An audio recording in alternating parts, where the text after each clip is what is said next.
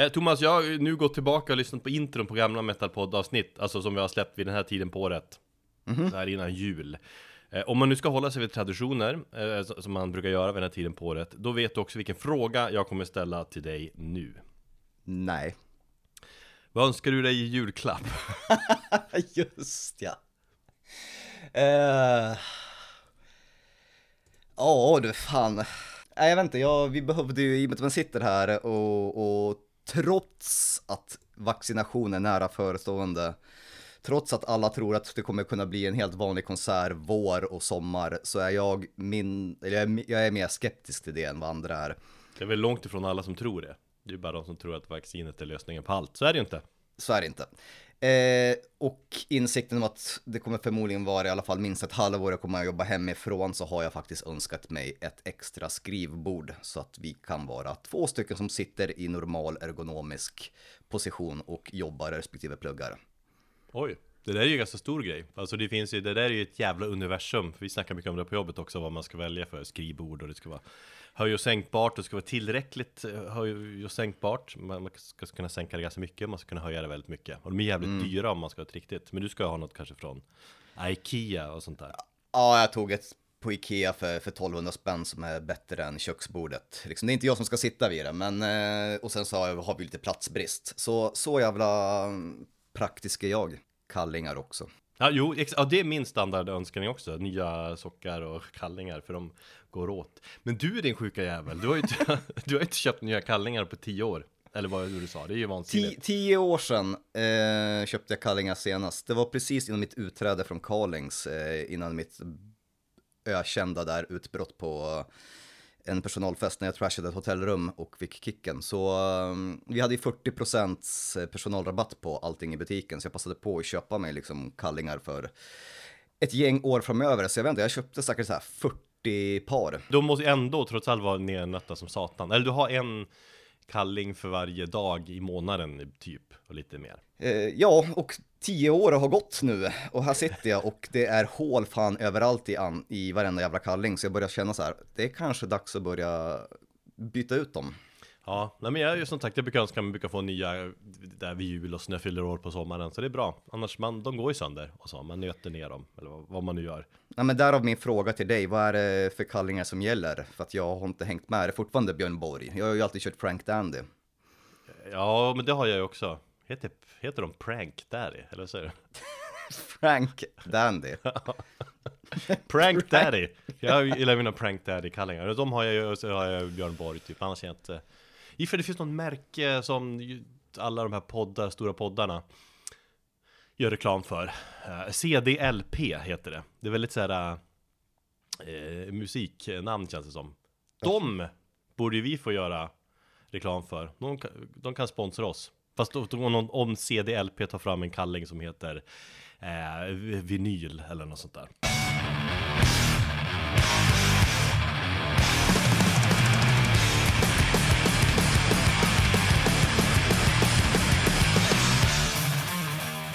Hej och välkommen ska du vara till det 128 avsnittet av den här podden, Metalpodden. Mitt namn är Erik och sen eh, mars 2016, det är ju en evighet sen. eh, På den där tiden man kunde gå på konserter och sånt. Eh, Då, då har jag drivit den här podden med Thomas. Igår, igår när vi skrev lite till varandra och kollade läget så här, då var vi båda lite sänkta. Jag hade en extrem jävla huvudvärk hela dagen igår, typ form av migrän. Fick ingenting gjort överhuvudtaget. Den släppte typ 11 på kvällen. Och då satte jag mig och förberedde detta sen, sen somnade jag klockan tre. Och du skrev också någonting om att du var sänkt med citatet Ja du vet så här, det är mörkret ute, mörkret inne. Är det så Ja. det känns även idag? Eh, nej, jag är bara jävligt trött. Du vet, fredag, slutet på året. Men det är det här konstanta mörkret som, som sänker den ganska mycket. Ja. Jag gillar med rubriken också att det, det är visst officiellt, eller som att det, Stockholm har inte haft en enda soltimme hittills i december. Det känns. Ja. Men annars tycker jag att det var ett fint citat det där ändå. Mörker inne, mörker ute. Det skulle kunna vara, skulle kunna vara en albumtitel på en ny platta med totalt jävla mörker. Ja, för nu är de ju nedlagda. Så det, det blir ju aldrig. Ja, men alla band kommer tillbaka. För övrigt är det ju fan ett av de bästa bandnamnen någonsin. Det håller jag med om till fullo. Ja. Eh, och nu, nu är vi inne här på årets sista avsnitt eh, där vi ska lista vad vi tycker är topp 10 på årets bästa skivor. Men Den innan vi... spännande listan. Ja, ja, det är ju spännande. Det är många som tycker det. Jag tycker det är lite spännande. Och, men jag tänker också, innan vi hoppar in på listan skulle jag vara, vilja vara lite, lite så här Arne Weisisk, Arne Weisisk, Arne Weise. Önska en, en eh, god jul och gott nytt år till er, alla våra lyssnare. Fy fan. Fy fan. Det är väl fint. Jag, jag, jag hoppas verkligen att alla får en bra jul. Jag vet också att liksom, julen är skit för väldigt många. Eh, men jag hoppas det blir liksom glädje, mycket stark glögg och så vidare för många. Själv tänkte jag ju tillbringa två veckor i Västerbotten. Om inte så här sjukdomar och sånt stoppar det nu, får vi se då. Men jag tänkte försöka ta mig ett antal långa musikpromenader i kylan och andas frisk luft och försöka ladda batterierna och sådär. Det behövs fan efter sånt här jävelår. Men du kan ju inte trycka ner dina kristna värderingar i ateisters halsar. Kristna, fan jag tror på tomten. Jag tror inte på Jesus. Nej, Du, men ja. fortfarande. Nej men att man fan får folk ändå må lite bra på slutet här då. Ja, Tänkte att det var bara en fin eh, tanke. så vi är fram emot ett nytt skitår. Ja, ja det är jävla skitår. För livemusik i alla fall, som ju är så jävla viktigt som liksom musikens riktiga element. Men det har ju släppts skivor också. Och en hel Ja. del bra sådana. Um, jag fick ju frågan förra avsnittet från dig om vad jag tycker om det här skivåret egentligen. Ja, har du reflekterat någonting över det då? Lite grann. Jag, jag, jag har jämfört med, eh, eller vår lista med fjolårets lista vi hade året innan det. Alltså två år Mm. bakåt. Eh, och när jag jämför så känner jag väl att det här året inte riktigt kommer upp i samma nivå då, för att peppa igång det här ordentligt. Nej, men det känns som att det var starkare skivor tidigare år. Eh, samtidigt tycker jag det är lite mer spännande skivor vi hittat i år kanske. Vi har sökt Ja. oss lite mer till lite mer spännande. Ja, jo, jag vidhåller nog eh, samma slutsats som jag sa i förra avsnittet att det har varit eh, väldigt mycket berg och dalbanor upp och ner. Det har varit ganska höga peppar vissa månader och vissa månader har det varit totalt dött. Känns Mm. det som. Jag tror ju tyvärr att det fortsätter i vår. Alltså om man ska kolla de här stora släppen så eh, är det ju många som kommer avvakta och liksom kanske släppa till hösten då liksom. Ja, absolut, så kan det vara. Kommer vara en vilande musik, vår kanske. Mm. Och, och så nu, nu har jag kollat med eh, topp 10 här, eller vad mina val, så det är ganska tydligt ty- röd tråd, det var väl förra veckan också, men det är mycket musik som är kopplat till pandemisamhället och deppen man får av det. Det är mycket, mycket emotionell metal som är med här Mm. på slutet. Mycket emo-metal. För det är sånt man lyssnar på när man kämpar. Ja, alltså emotionellt känner jag väl också att det är väl en röd tråd, speciellt i den här listan jämfört med, med förra, eh, förra listan. Förra var ju, kändes kanske lite mer splittrad, lite mer bredd på den, det var lite mer röj. Den här, nu kommer vi ner till de här koncentrerade topp 10, de viktiga. Och då känns det som att det är, både från dig och mig, ja, ganska mycket mer emotionellt tänk. Ja, det är det verkligen. Som, som, det, som det ska vara, tycker jag också. Ja men det är tydligt att vår, liksom, vad vi på, på verkligen går igång på, eller som betyder någonting, det kommer fram här också. Mm. Eh, Men jag gillar våra val. Du, jag jag har väl, eh, eller du har väl gått vidare, men jag har ju verkligen levt med de här skivorna nu en vecka och lyssnat extra mycket på dem för att liksom kunna motiv motivera för mig själv att det är rätt val vi har tagit då. Och även dina skivor har jag lyssnat på en hel del. Så när vi, när vi stoppar den här inspelningen nu om någon timme, eller två, eller tre. Så då har jag gjort liksom bokslut på riktigt. Då kan jag lämna det här året. Då går jag vidare till nästa corona-år. Ja, men det låter vettigt och hoppas att vi kan eh, tjafsa vidare. Nej, Nej, men, eh, tjafsa med dig. Absolut. Eh, nej, men det var något annat jag tänkte på. Det var ju också om man ser till våra individuella listor som jag vet att folk har frågat om. Eh, om man tänker tillbaka på tidigare år så har vi varit mer samspelta. Vi har, haft, vi har ju väldigt annorlunda lista i år tycker jag. Och det är väl kopplat till att vi tidigare, speciellt i den här poddens begynnelse, så pratade vi ju jättemycket musik sinsemellan eh, avsnitten. Eller mm, ja, sinsemellan och mellan våra avsnitt. Ja, vi hängde mer också då. Ja, precis. Och sen så kom livet emellan och nu, nu pratar vi inte så jättemycket musik. Vi, vi tipsar inte varandra om det inte är någonting som den ena går jättemycket igång på. Så det går ju väldigt långa perioder där jag inte har någon aning om vad du lyssnar på eller vad, du- vad du peppar. Nej. Och sen när man summerar året så ser jag, shit, Erik har ju totalt annorlunda från vad jag har, eller tvärtom. Mm. För att du var i några som vi hade samma också. Absolut, men, men mindre än, än tidigare, tycker jag. Så att, eh, och det har väl att göra väldigt mycket med att vi kanske inte pratar så mycket musik emellan i veckorna, utan det är den här podden som har blivit det här lilla andrummet. Ja, exakt. Vi snackar podden, men vi snackar liksom det aktuella ämnet vi ska ha i podden. Nej, vi, nu kör vi igång, tycker jag. Plats nummer 10. Och före ACDC, woho, säger jag. Ulver, Flowers of Evil. Det var väl kanske inte direkt någon överraskning att den skulle hamna på den här listan. Den hamnade ju väldigt högt hos mig. Och då är ju min fråga direkt till dig. Har du lyssnat in i något mer på bandet sedan vårt avsnitt eh, Eskapism? Ja, som sagt, jag, nu har jag ju levt med, den här, med skivorna lite extra mycket senaste veckan och jag har lyssnat mer på den här plattan också. och jag har lyssnat, lyssnat på den från en annan vinkel. Ja, Med så här 90-tals Depeche-öronen. Ja okej, spännande. Eh, och ja, då fattar jag grejen på ett annat, på ett annat sätt. Eh, men jämfört med 90-tals Depeche då liksom, då, Mm. då, det är ännu, det är ännu inte lika mörkt tycker jag. Liksom jag, jag, jag hör ju inte kokainet och sånt där. Jag Nej. lyssnar. Eh, men det, och så känns det, tycker Ulf känns det betydligt poppigare också. Lite snyggare. Det är väl det här synthwave, darkwave, fan det nu är, soundet.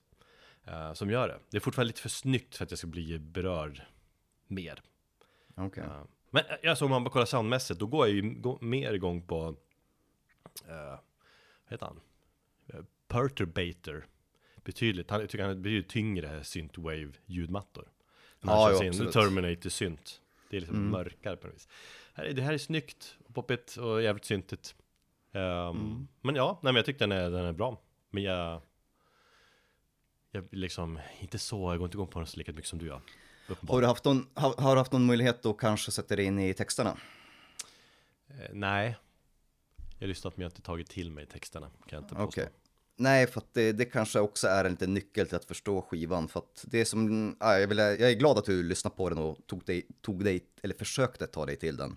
Lite mer sen, sen vårt avsnitt där, där vi pratade väldigt mycket Ulvar. Men eh, ja, jag vill ju liksom vidhålla det här faktumet att det är ett band som kanske inte fortfarande, de, de, de är ju långt ifrån metal. Visst, de har en metalbakgrund, men det var länge sedan de rörde sig i de kretsarna. Men det finns fortfarande delar i deras musik som känns jävligt metal. Och det här faktumet att de gör vad fan de vill och bryr sig inte om liksom. Det är därför så många metalfolk lyssnar på det med att de är, kommer från black metal bakgrunden och då är det Mm. okej för en större andel i alla fall att lyssna på dem. Det tycker jag är lite intressant. Ja, men det blir som ett litet så här, om ett, ett certifikat att det är okej att inte att lyssna på det trots att det inte är metal för att de har en sån bakgrund. Det blir samma sak som med, eh, ja, men med Paradise Lost som hade sin dödsdom tidigt och så sen blev de supersyntiga. Så bara, ja, det är ändå okej. Mm. Ja, Fast det var många som inte tyckte det också i och för sig. Nej, men det är just i texterna som jag tycker att jag hittar väldigt mycket mörker och väldigt mycket kopplingar till 90-talets Norge. Och det, det framkom ganska tydligt för han sjunger väldigt mycket om ja, Oslo under 90-talet. Han sjunger väldigt mycket om satanism, att eh, dansa en sista dans i en brinnande kyrka. Det är väl lite så här bibliska referenser och det finns eh, citat tagna ur, ur Bibeln i det där som gör att det blir en ganska tydlig metalkoppling, eller någon form av ockult koppling till det. Mm. Och det är ju ganska mörka teman på skivan som gör att eh, den, den sätter sig väldigt bra. Och sen så att det är en eh, syntmatta istället för, för hårda riff, det, det gör mig inte någonting. Jag tycker fortfarande det är en mörk och vacker skiva. Eh, Skivomslaget säger väl att det är ganska mörk. Ja, definitivt. Så på plats 10 hittar vi Ulver med skivan Flowers of Evil och vi ska lyssna på låten A Thousand Cuts.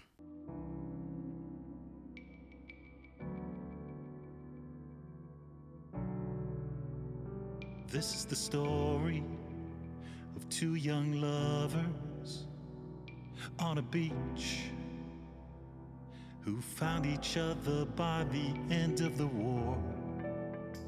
They set out to explore the bodies on the shore and what they found it would hurt them.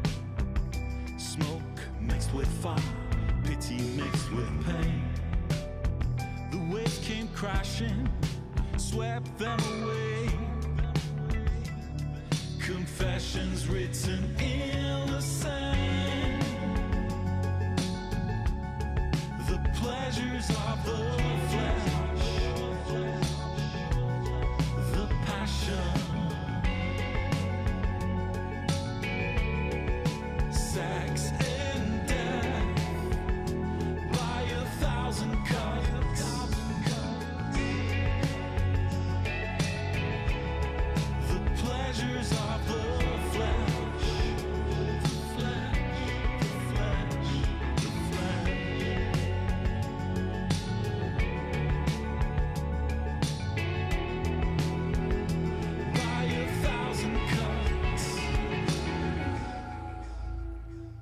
Plats nummer nio. Finska Lantern med sin tredje platta Dimensions. Ett band som eh, tog mig ganska mycket med storm, eh, speciellt under tiden då jag eh, peppade väldigt mycket den här grottdödsen. Eh, någonting som vi har pratat om väldigt mycket eh, i ett avsnitt, ett, helt avsnitt tillägnat mm, den genren. När gjorde du det? Oh, våras? nej, det var betydligt längre sedan. Ja, det var förra våren typ. Jag har för mig det att det var så. Mm.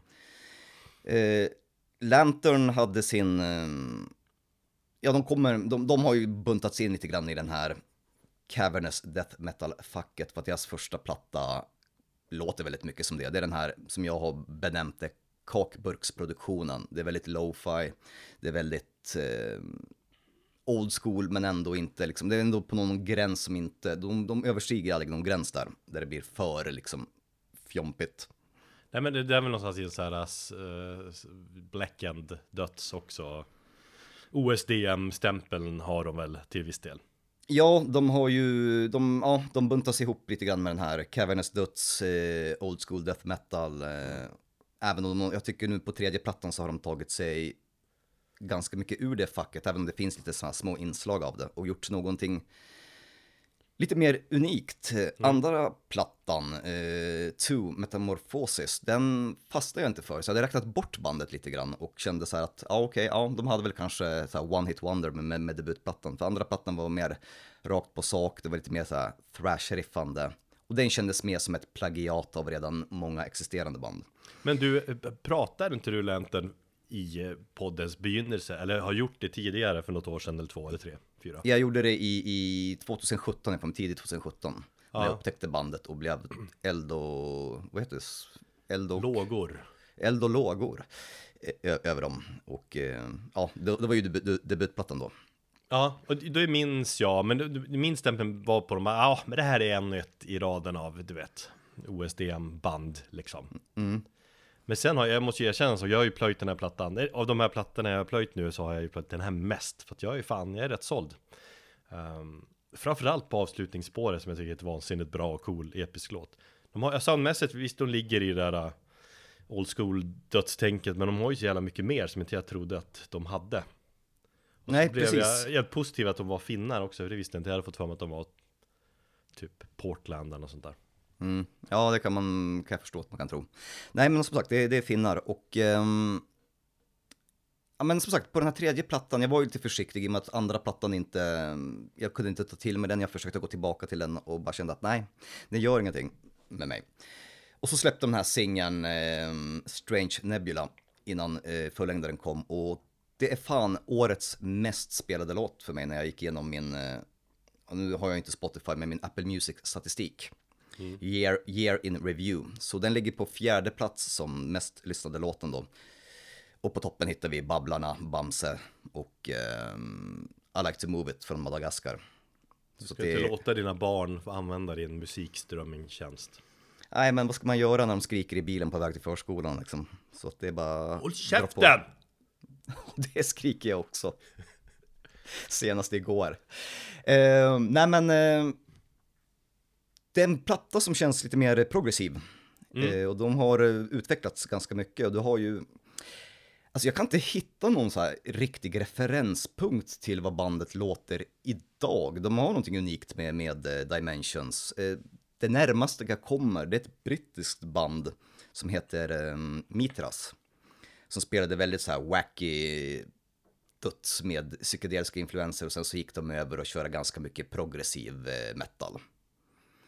Eh, om man lyssnar på sången så kan man höra ganska mycket likheter. Det är ju som sagt, apropå det här finska och, och när vi pratade om eh, i vårt crossover-avsnitt om eh, den här finska dialekten som ibland kanske, ja som förstörde för mig för, för vissa av de här banden. Mm. Så är det ju på gränsen här också, att du hör ju att den här finska dialekten på något sätt kommer, kommer in. Men jag tycker att det, jag tycker det blir charmigt i, med Lantern. Ja, ja, absolut. Man gillar ju när man hör att det är från ett visst land. Det kan man göra med svenska metalband också. Brasilianska mm. och så här. Uh, nej men jag blir jävligt positiv till den här plattan, jag gick verkligen lyssna på den på allvar Just att det är så coolt att de är så pass proggiga som jag, som jag inte visste att de var liksom Nej Och som sagt det här avslutande episka 14 minuters stycket eh, är ju riktigt fett Ja typ en av de bästa låtarna jag har hört i år Ja, men fan vad kul att höra. Nästan så att du ångrar att du inte hade dem på din personliga lista, eller hur? Ja, men det är sådär det är. Man upptäcker skivor genom andras listor och så. Absolut. Så på plats nummer nio hittar vi Lantern med skivan Dimensions och vi ska lyssna på Cauldron of Souls.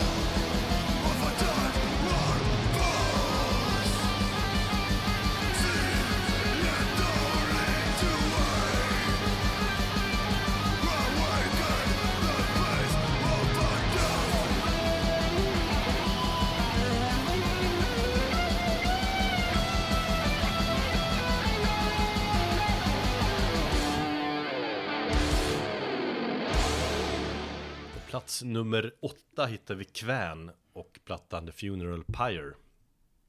Ett, eh, Kvän är ett band som är ett soloprojekt av norrbottningen Jakob Björnfot. Han Björnfot, där har du ett riktigt norrländskt efternamn. Verkligen. Får man säga.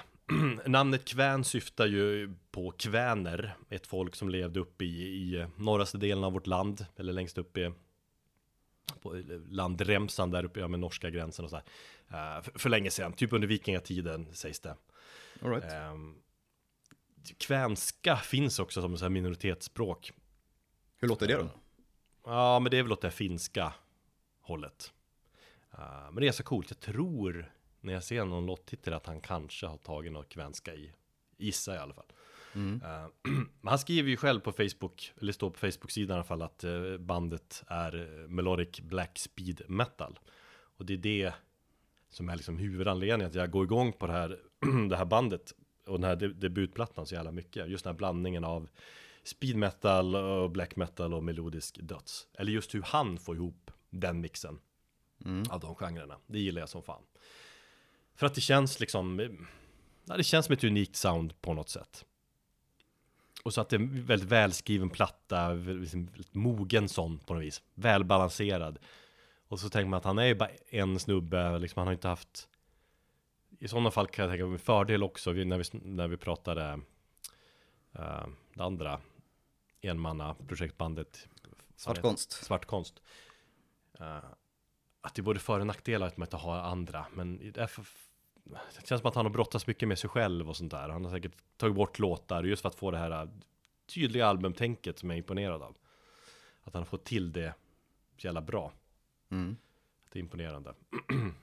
Ja, jag har ju ett litet eh, erkännande här. Det är att jag lyssnade ju aldrig på plattan när vi pratade om det i, var det, i våras. Nej, det kände jag ju också att du liksom aldrig riktigt tog Ja, jag vet till inte. den. Jag hade aldrig liksom, jag hade inte tiden eller peppen. Så att jag lyssnade på den, ja efter vårt senaste besök när du gav mig vinylen så drog jag på den hemma. Så att jag har egentligen bara hört den en gång. Ja, Och känner att okej, det här var faktiskt rätt bra. Men jag får stoppa det i det här lilla facket. Eh, plattor som jag inte hunnit eller orkat ta mig tid med i år och som jag säkert förmodligen kommer ångra. Så jag får väl ta mig an den, den plattan lite senare i, på riktigt. ja för det känns ju som ett, en, eh, ett band som framförallt du borde gilla. Kanske. Ja, men- ja, men jag hade någon invändning där att när du, du peppade dem och du sa att det var speed metal och jag tyckte inte jag hörde det, jag vet inte riktigt vad, jag, jag, hade, sv- jag hade faktiskt svårt att placera det i ett fack. Du hade gett mig liksom redan en genre som du hade stoppat in dem i och så försökte jag liksom, då brottades jag med det faktum att jaha, Erik säger att det här är det här. Jag tycker inte jag hör det och då blev det lite ointressant för mig. Ja. Fast ändå, när jag säger att det är en blandning mellan tre genrer så är det ju ändå ganska... Absolut, men jag tror inte du gjorde det i, i början. Första gången när du nämnde dem så sa du bara det här är bra speed metal. Jag bara, ha okej, ja. Ja. Och sen, sen så har det liksom kommit fram lite grann. Men det jag kan säga så efter att ha bara lyssnat då en gång egentligen så tycker jag att jag får väldigt mycket känsla av Immortal. Ja, det kanske ett... Kanske, kan, det är möjligt. Det här, det här blästandet. Mm. Nej men alltså- alltså det är ju, det är ju mycket black metal i det också. Men sen, när man tänker black metal, det känns som att det finns tusen sådana här enmannaprojekt. där. Jo. Men det känns också som att det känns bara, mycket är ju bara kopior av allt annat. Och just att eftersom Kvän är så pass välskrivet och soundet och stilen är så unik och verkligen står ut så förtjänar den plattan allt beröm som den också har fått. Mm. Eh, Jag följer han på Facebook också, eller bandet på Facebook där han är Ja, man är rätt aktiv där, det gillar jag. Det, det, han håller bra kontakt med fansen, så där, de som följer honom. Han skriver om hur arbetet går med nästa skiva och liksom och pratar vilka misstag han gjorde på första plattan och så här. Och han frågar liksom, ska jag göra en, ska jag, är ni intresserade av att ha en dokumentär om nya plattan och sånt där? Vill ni, ni, vill ni se det? Och så vidare. Sånt gillar jag. När man använder sociala medier på rätt sätt, sen kanske man tappar det här hem, myten om ett band, liksom, vad gör de egentligen? Men han, han är jävligt öppen. Ja men det är coolt ändå. Det är coolt och det ska bli spännande så fan att se hur han går vidare då på, på nästa platta. Om han fort, fortsätter att liksom ja, men utveckla konceptet och blir han bättre liksom eller va, vart, vart tar han vägen någonstans? Mm. Förfinar. Och förfina det hela. Sen är det någon form av eldtema på den här plattan också. Mycket fire i texterna. Det kanske dock inte är särskilt unik får man väl säga. Men du går igång på det för du gillar eld. Ja, men eld är alltid mäktigt och eld är alltid metal. Mm. Varje gång han skriker fire, då går man igång på det. Eh, Så vi ska lyssna på låten As We Serve the Master's Plan med bandet Kvän från plattan Funeral Pyre.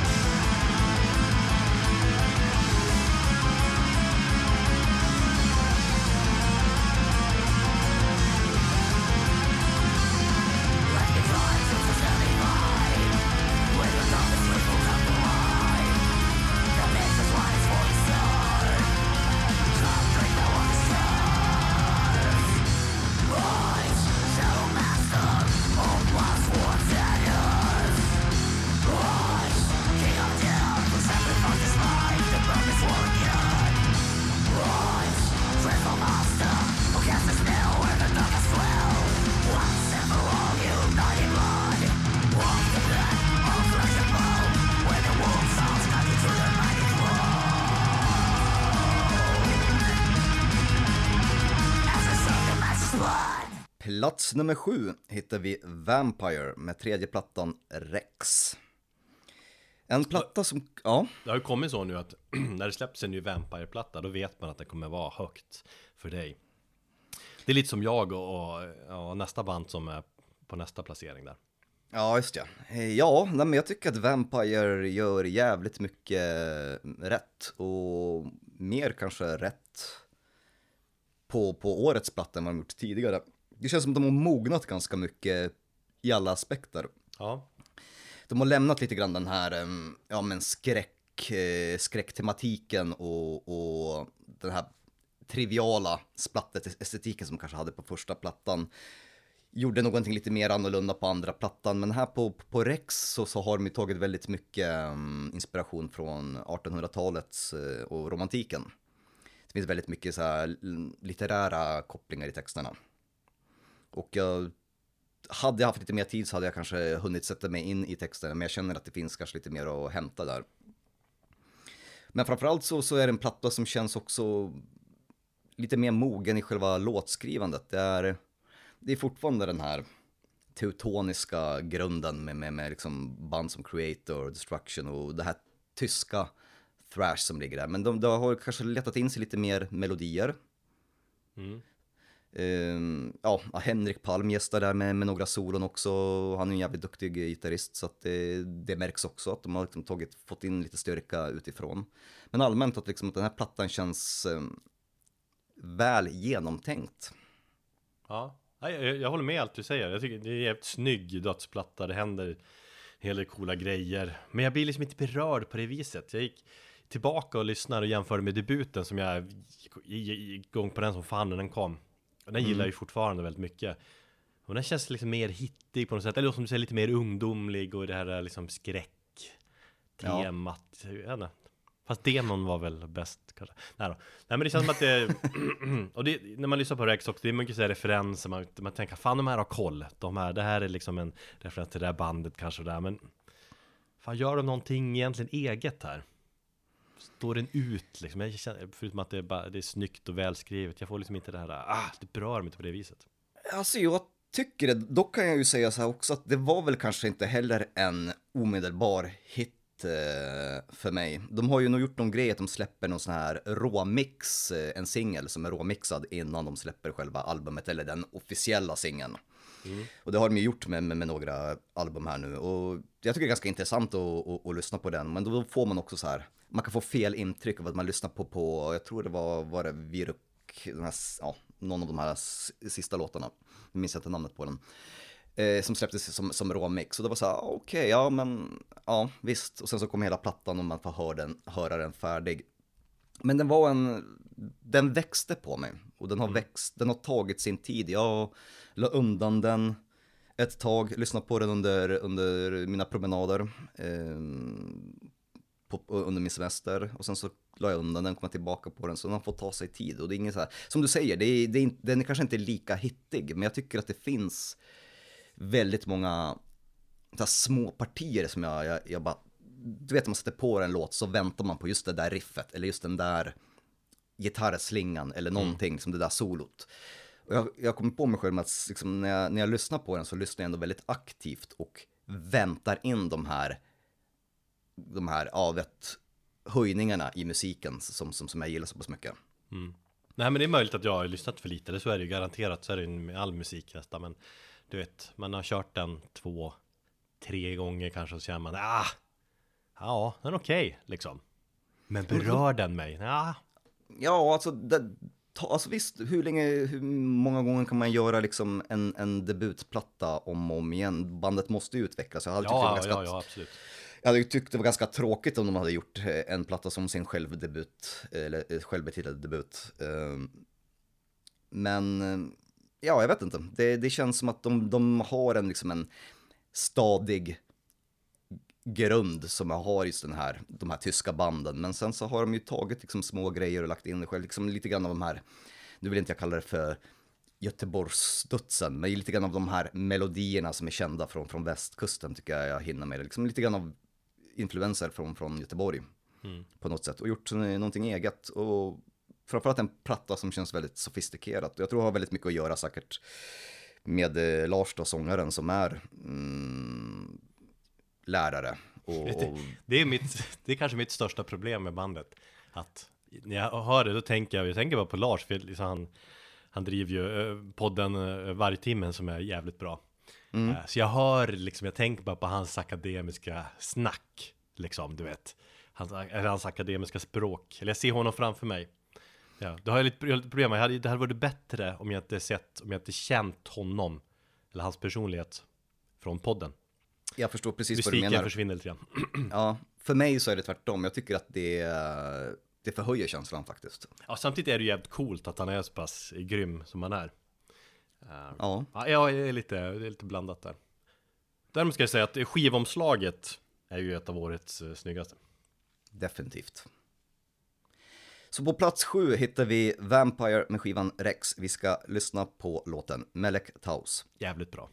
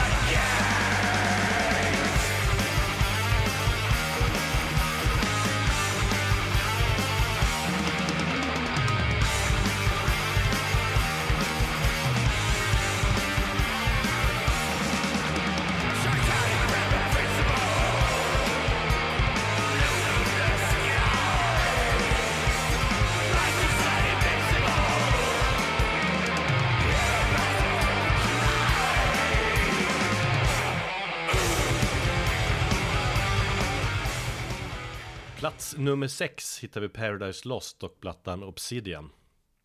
Mina husgudar Paradise Lost som jag gick all in det här på innan sommaren var det väl. N- när du snackade Soilwork och sen snackade jag Paradise Lost. Det var ett fint avsnitt, tror jag.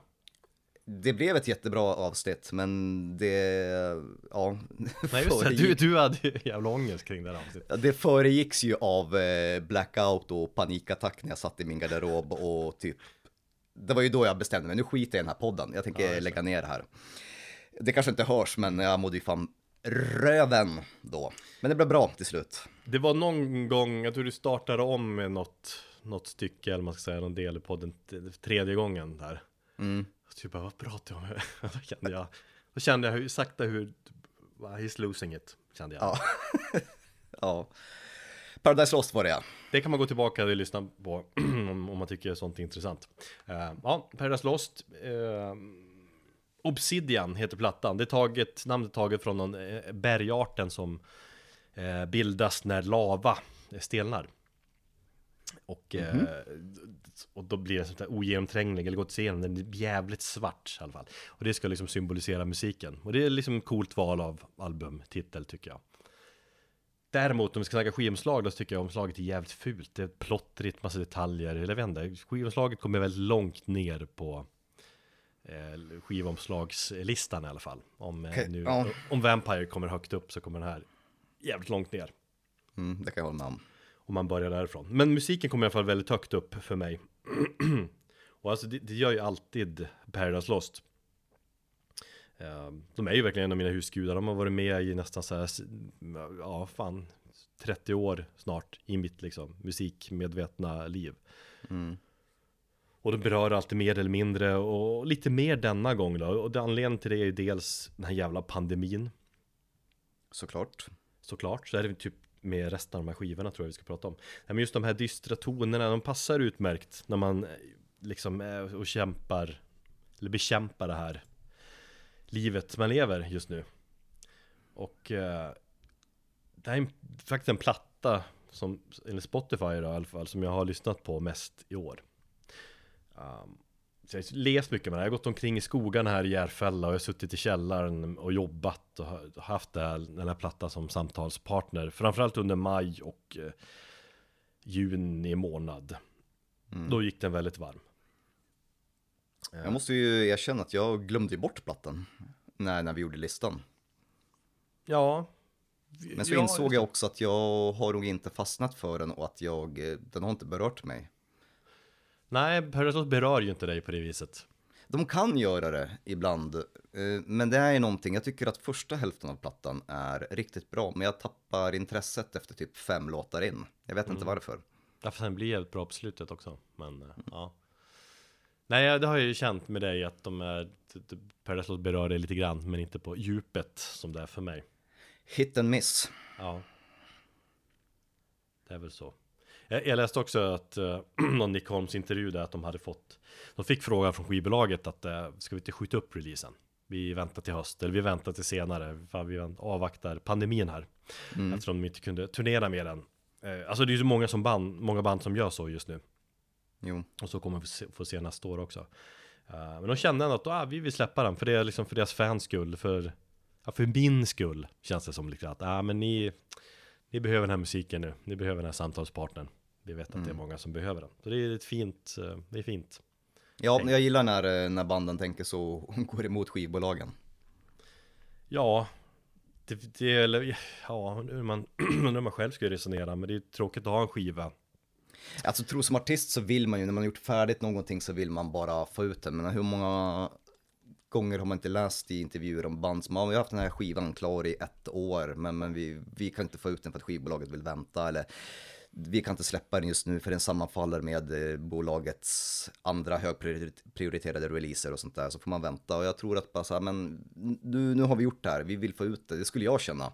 Jo men det är ju en annan sak Det är ju en annan sak när det krockar med liksom release Datum och grejer. Man vill få rätt timing av släppa I det här fallet så är det ju att ja, band avvaktar för de kan inte turnera med den. Man vill ju ut och Ja, turnera att de- med, med en fräsch platta. Ja, men ändå bestämmer sig för att göra det. Ja det är respekt. Eller någonting. Mm. Ehm, Och de har ju under karriärens gång gått liksom musikaliskt ändrat stil väldigt mycket från här dödsdomen som jag berättade om och så eller som de inledde karriären med till 90-tals Depeche synten och, och, och senare plattor har de ändå de har gått tillbaka lite grann till dödsdomen när Nick Holmes har börjat eh, growla igen och så här. Där har jag en fråga till dig för att de senaste plattorna sen, ja jag vet inte, tre, fyra eh, bakåt så känns det ju som att de på något sätt har gått tillbaka och börjat gå varvet runt igen. Ja, det har de ju. Är den här plattan på något sätt någon, liknar den någon av deras tidigare 90-talsplattor? Nej, alltså grejen med Obsidian är att de de varierar sig mer. Okej. Att det är egentligen, jag tyckte de har liksom element från hela deras karriär på plattan. Mm. Godpoppen finns på vissa ställen och, och liksom det här dödsdomiga, och jag menar att det är mer varierat och därmed tycker jag också det känns ärligare på något sätt. För de har ju som sagt, de har ju gått tillbaka, de har flörtat med deras liksom ungdomliga tider, eller man ska säga. Och det är många gamla fans som har hittat tillbaka, bara Nick Holmes growlar igen och nu, nu har de hittat hem igen. Men nu har de, på Obsidian som har de plockat flera delar från deras karriär och det tycker jag det känns mycket ärligare och ja, det, det gillar jag. Jag som gillar allt med Paradise Lost liksom. Mm. Och det blir mer varierat och de tjänar på det. Och det, det känns pikt, det känns fräscht. Trots att de börjar bli gamla till åldern och så. Eh, och som vanligt så är ju låtskrivaren, gitarristen Greg McIntosh där ett jävla geni också med sin helt unika gitarrton. Just hans mästerliga, mästerliga vemod som alltid berör mig. Det är det som är den stora grejen med Paradise Lost för mig, hans gitarrer. De gråtande gitarrerna. De gråtande gitarren som alltid hittas, hittar in i min själ på något jävla sjukt sätt. Och Just Nick Holm som varierar sången då mellan skönsång och growl. Och gör det skickligt. Och om man, om man kan tänka på liksom att, ja men i världen ser jävligt, eller jävligt sugig just nu så kan man ändå tänka att men vi har ändå Nick Holm som growlar år 2020. Det är inte fy skam. så så är det. Um, för att få liksom exempel då på Gregs melankoliska gitarrtoner där och höra hur Nick varierar sångstilen så ska vi lyssna på mästerliga Fall from Grace. Det är något speciellt det där. Uh, och det är också talande när han liksom jag tror efter an- andra refrängen där, en bit in i låten som vi ska lyssna på. Han upp, upprepar mantra We're all alone om och om, om igen. Det är lite så man skulle kunna sammanfatta det här året känner jag. Många av oss, man känner sig ensam. Man är liksom med sig själv och man kämpar på i sitt inre. Eller som du säger, det är mörker ute och det, det är mörker inne. Paradise Lost i sinne.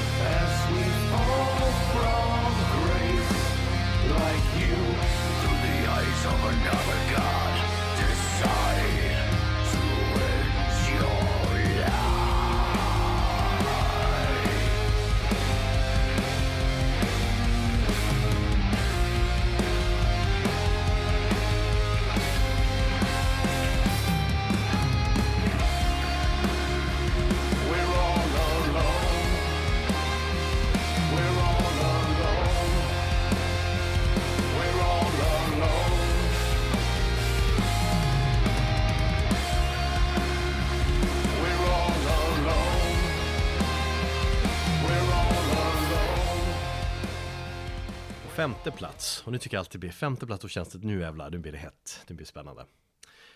Där hittar vi Paul Bearer och deras platta Forgotten Days. Paul Bearer som är, de är tillbaka, eller vad man ska säga. Och jag är jävligt glad för det. Jag också. Vi båda hade den ju på samma placering också på våra individuella listor. Ja, det var fint. Men jag tror att jag hade satt den högre upp om jag hade gjort listan här och nu faktiskt. Ja, så kan det Ja. absolut vara. Men det är liksom, jag minns ju Paul Bear, de kom ju, debutplattan kom 2012 Jag minns exakt vart jag var någonstans. Jag hörde den första gången, jag stod och väntade på tunnelbanan vid Östermalmstorg på väg till jobbet. Och blev helt såld, just den här blandningen av den här Ja men den här jävliska domtyngden Och det här emotionella som de gör så jävla bra. Just den mixen kändes att, oh, det, var, det här var någonting nytt ändå. Jävligt bra debutplatta Då pratar vi om Sorrow och Extinction ja. Mm. Ja. Och så kom då mästerverket Foundations of Burden några år efter det. En skiva som både du och jag älskar. Ja. Ja, absolut. Ska komma en återpress på vinylen här snart. Eller den kanske redan har kommit. Den, den har varit slutsåld väldigt länge. Jo, det vet jag. Coolt, den ska man ju hugga. Så jag går och kolla in det. Eh, tredje plattan dock, Heartless, blev ju dock en eh, besvikelse. Då gick de lite mer så här progressivt, eller funkar inte riktigt. Jag vet inte, jag, jag blev inte alls lika besatt av den plattan. Ja, nej, alltså jag skrattar ju för att det är som sagt, eh, vi har ju diskuterat eh, just den plattan ganska mycket, hur mycket jag eh, försökte och kämpade med den skivan det året det kom, när var det? 2017? Ja men det vill säga sina, ett av sina nya favoritband, man vänta fan, de kan ju inte vara dåliga, eller vad, jag måste kämpa min den här, jag måste hitta den här plattan, jag måste hitta hem liksom. Så att man kämpar ju som fan. Ja, jag tror det var den mest lyssnade plattan det året. Jag tror jag, drog, jag, jag tror jag lyssnade på den så här 20 gånger och bara försökte förstå och bara förstå och den jävla Journey Doomen som de spelade, jag fick det inte att gå ihop med det här progressiva och lite, nej, det, det, ja, det, det var tungt. Så därför var de ju otroligt borträknade. Ja. När, men jag minns när man annonserade att eh, Forgotten Days skulle komma i höst, det var så här, jag bara, axelryckning och så gick jag vidare med mitt liv. Exakt. Men de, de släppte ju den här EPn också som var bara så här. Ja, just det. sömnig. Den var ju riktigt sömnig. Har jag för mig. Men samtidigt, nu när jag, jag gick tillbaka och lyssnade på Heartless. För alltså jag minns den också som en jävla besvikelse. Fast jag ska erkänna att den är bättre än jag minns den när jag lyssnar på den igen nu faktiskt. Ja, Det är som att Ja. den har, den har mognat på något jävla sjukt sätt. Jag vet inte. Och det är det som jag tycker är så jävla coolt för att, eh, att gå tillbaka till, till gamla plattor och gå tillbaka till diskografin och, och liksom, man är själv på en annan plats i livet, man kanske har ett helt annat sinne eh, och bara hitta någonting som man totalt dissade förut och bara fan, det här är ju inte så jäkla dåligt. Och jag har ju också gått tillbaka till, till Heartless efter att ha lyssnat på, på den här och, och när jag verkligen tog till mig Forgotten Days och den verkligen fastnade i mig så bara, jag ska ge en till vända med Heartless och då förstod jag den betydligt mer. Så det är Ja. ett tips. Det Ja, är det ett tips, tips. Till, till alla som, som tycker att Heartless var dålig eller någonting.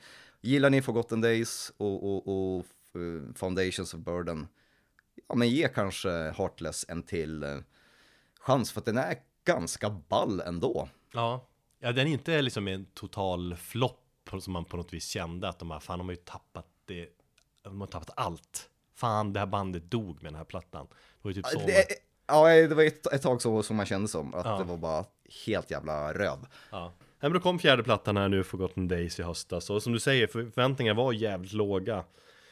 Eh, samtidigt in- insåg man ganska snabbt att fan, ja, men det här är ju, ja men det här gillar jag ju. Och så andra lyssningen, fan det här är ju, och så tredje, fan det här, är ju, det här gillar man jävligt mycket. Eh, och anledningen, man kan väl säga att skivan är, den är ju mer direkt än föregångaren Heartless. Den är ju lite mer lättlyssnad. Men det är liksom, det är bättre melodier. De har ju ändå lite de här progressiva utflykterna ändå på den här plattan också. Absolut. Inte lika mycket. Nej men som du säger, de här progressiva grejerna finns ju fortfarande kvar, men de är kanske inte är fullt ut som på Heartless. Det är väl alltså de gick Heartless, men nu ska vi utveckla som fan och ta fram de här progressiva grejerna. Och så sen när de skrev på med, är det Nuclear Blast? De släpper den här skivan på. Mm. Att de, ah, okej vi får koncentrera oss lite mer på det som är vi-bandet liksom. Eller men det, det ja, framförallt är den ju extremt laddad med det här jävla vemodet som de gör. Det här Paul Bear vemodet som det känns som att de har liksom patent på på något jävla sätt. Just det. Och som säkert också funkar extra bra då i de här tiderna. Um, och, men jag, och när jag tittar på liksom min, min sammanfattning av alla skivor så har ju det här, det här är som min favorit Doom-platta i år. Mm. I viss konkurrens kanske med Paradise Lost. Fast Pa- Paradise Lost är ju inte renodlad Doom, så, den, så den jämförelsen går ju liksom inte riktigt heller. Nej. Nej men jag- jag håller med dig, det är väl Ja. kanske också den, den Doom-plattan som jag fastnat mest för i år. Mm. Kanske den enda. Ja, kanske lite så. Vi, vi var inne på det att vi är liksom, man är lite less på Doom-genren så där. Det händer inte så jävla mycket där. Nej. Ja, nej men det är något positivt. Vi får ta med oss det här skitåret att Paul Bear är jävligt bra igen. Och eh, Ja. vi ska lyssna på låten Riverbed.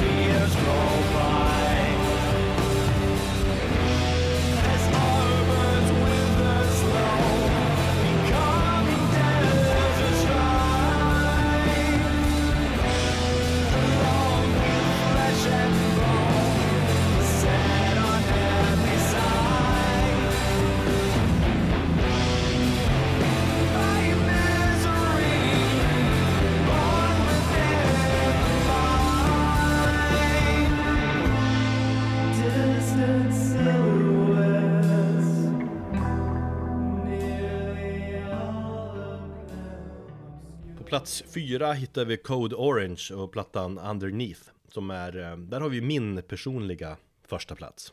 Mm. Eh, Kanske något otippat, eh, även för mig får man ju säga. Ja, jag höjde nog ögonbrynen ganska högt upp Mm. när jag såg den. Hade jag velat se. Kanske tog med den bara så här, du vet, som jag tar med ACDC bara för att du ska vara bara Men alltså, åh. Men då, då får du ju utveckla nu. Jag vill veta vad det är som gör att det här är din årets bästa platta. Mm. Ja men det, det, är är en platta som Alltså det står ut jävligt mycket av alla plattor jag lyssnat på i år känns som. som jag, och en platta som jag har fascinerats väldigt mycket av, som jag läst väldigt mycket om och som jag fortfarande tycker är jävligt bra. Och skiva som jag gick liksom igång på direkt också när den släpptes där i mars. Man kan, alltså de, Code Orange är ju superhypade. De har ju, som Roadrunner har ju satsat mycket på dem. De är omskrivna, mycket för, de, har, de, har ju, de ses ju som ett så här framtida stort arena liksom metalband. Just ja. De har varit förband till, ja massa band, de har varit förband till Slipknot exempelvis och så. Uh, och jag upptäckte dem med, med förra plattan Forever som kom kanske för tre år sedan. Det var väl deras liksom stora genombrott för, för den stora Mm. massan då. Som jag också gick igång på stundtals. Uh, men samtidigt, de, de startade bandet 2008 och då ska man veta att de är ju liksom Nu är de, de är typ 25-26 så att de var ju barn. Alltså bokstavligt talat så här, 13 år när de När de startade, så de har ju massa liksom erfarenhet, de har varit med väldigt länge då ändå. Och går man tillbaka och lyssnar på den här tidiga grejen så är det ju häftigt att följa den här liksom, resan de har gjort. Och hur mycket de har utvecklats. Och hur mycket de har vågat utvecklats. Uh, för sånt gillar man ju. Och så är det så tydligt också, de kommer från hardcore-scenen. Det är liksom någonstans i grunden är det hardcore det de sysslar med. Så det har ju handlat mycket om liksom 100% om liksom vilda liveuppträdanden, eller vad man ska säga. Så att det är liksom grunden i bandet på något vis. Visst hette de Code Orange Kids? Ja, förut? precis. Men det släpp, fick de ju släppa när de inte var kids längre. Just det. Men idag då, på Underneath-plattan, så 12 år in i karriären måste jag säga, så är ju soundet är spännande. Det är ju en blandning mellan hardcore och, och liksom industriellt och grunge och och ja, metalcore är det ju. Jag fastnar ju sällan för metalcore. Jag tycker många metalcore-band följer som samma mönster. Det, det är som det är samma recept på något vis. Ja, verkligen. Men, men Code Orange gör liksom något De gör helt som de vill göra får man känslan av När jag hör bandet så tänker jag Ja det sa jag senast också att det är, det är Slipknot, det är Nine Inch Nails och det är mycket Dillian Dear Escape Plan En mix av Och det är ju det är alla tre favoritband hos mig och alla tre också vansinnigt bra Liveband Nu finns inte Dillian Dear Escape Plan längre men de var ju helt, helt sjuka live och så finns det en före detta Nine Inch Nails medlem då i Chris Frenna som har gjort och skruvat på det elektroniska på den här plattan. Så man får mycket så här eh, 90-tals industri metal-vibbar och det vet du ju att jag går igång på. Det vet jag. Jag, jag roades liksom med att gå in på deras wiki-sida och genrebeskrivning av bandet. Där beskrivs Code Orient som eh, metalcore, industrial metal, industrial hardcore, alternative metal, metallic hardcore och alternative rock. With elements of industrial screamo, post-grunge, new metal and classic rock. Det är, det var jävligt fascinerande och liksom det är brett, men det, det säger jävligt mycket om band varför, de, varför jag tyckte de är så jävla spännande liksom.